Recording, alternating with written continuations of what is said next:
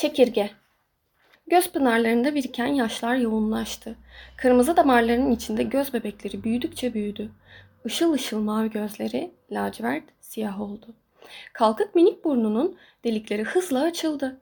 Bir eliyle ağzını kapattı. Diğer elindeki telefonu kurtulmak istercesine masaya bıraktı Sveta. Inna, Sveta'nın alnından boynuna gezinen mavi, kırmızı haliyi görünce endişelendi. Kiminle konuştu bu kız? Orhan'la mı?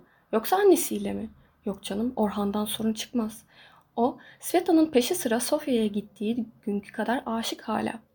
Kiev'den nikahlanıp döndüklerinden beri kaynanası sorun çıkardıysa da bunca yıl evliliğine sahip çıktı.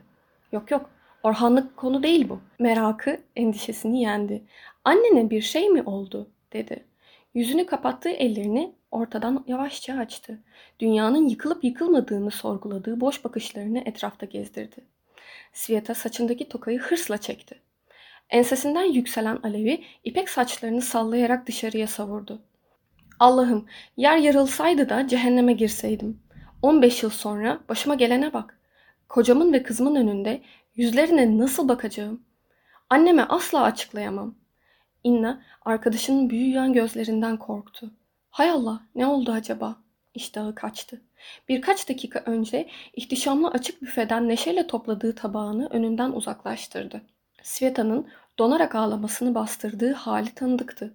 Önce donar, sonra durdurulamaz ağlama krizine girerdi. Bu hal soğuk terlerin eşlik ettiği kasılmalarla son bulurdu. Başını Bursa manzarasına çevirmeye çalıştı, yapamadı. Olduğu yerde ayağa kalktı, eşofmanın belini düzelterek tekrar oturdu. Şimdi daha iyi misin? Limonlu su falan ister misin? dedi Inna. Sessizce göz çukurlarından taşan yaşı, boynundan akan teri peçeteyi silerken daha iyiyim. Biraz sonra kendime gelirim. Sveta bu kez göğsünden yükselen alev dışarı atmak için somon rengi gömleğin düğmesini açtı. Yakasını tuttu, silkeledi. Az önce sormuştun ya, Çekirge Hatun türbesine gitmek ister misin diye. Gidelim mi? Inna yüzüne düşen kahküllerini ince parmaklarıyla geriye attı. Sveta başını sonunda kaldırdı.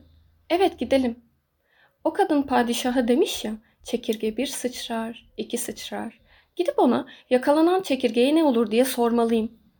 Bilmece oldu. Anlamadım. Çekirge hatuna ne diyeceksin? Yakalanan çekirge ne?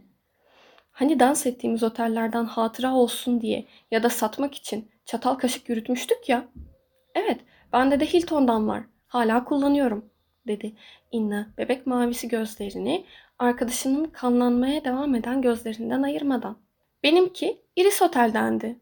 Biliyorsun annem izin vermediği için vurup kapıyı Antalya'ya gelmiştim.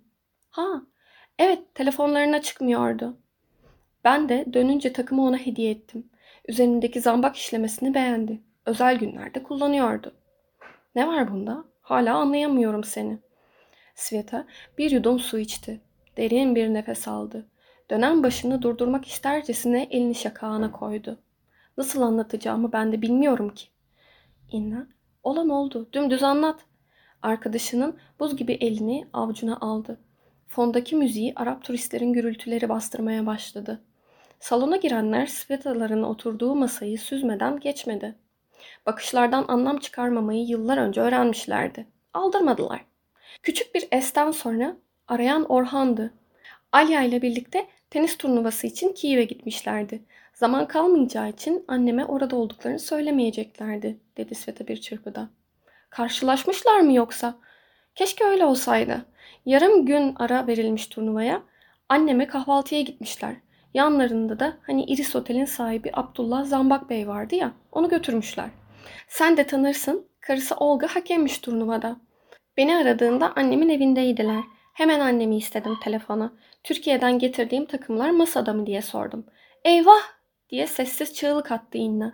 Annem de evet o takımları çıkardım. Adam borç çorbasının içindeki kepçeye bakarak kahkaha atıyor dedi. Gözlerinde yılgınlıkla 15 yıl sonra ele geçti çekirge dedi Sveta.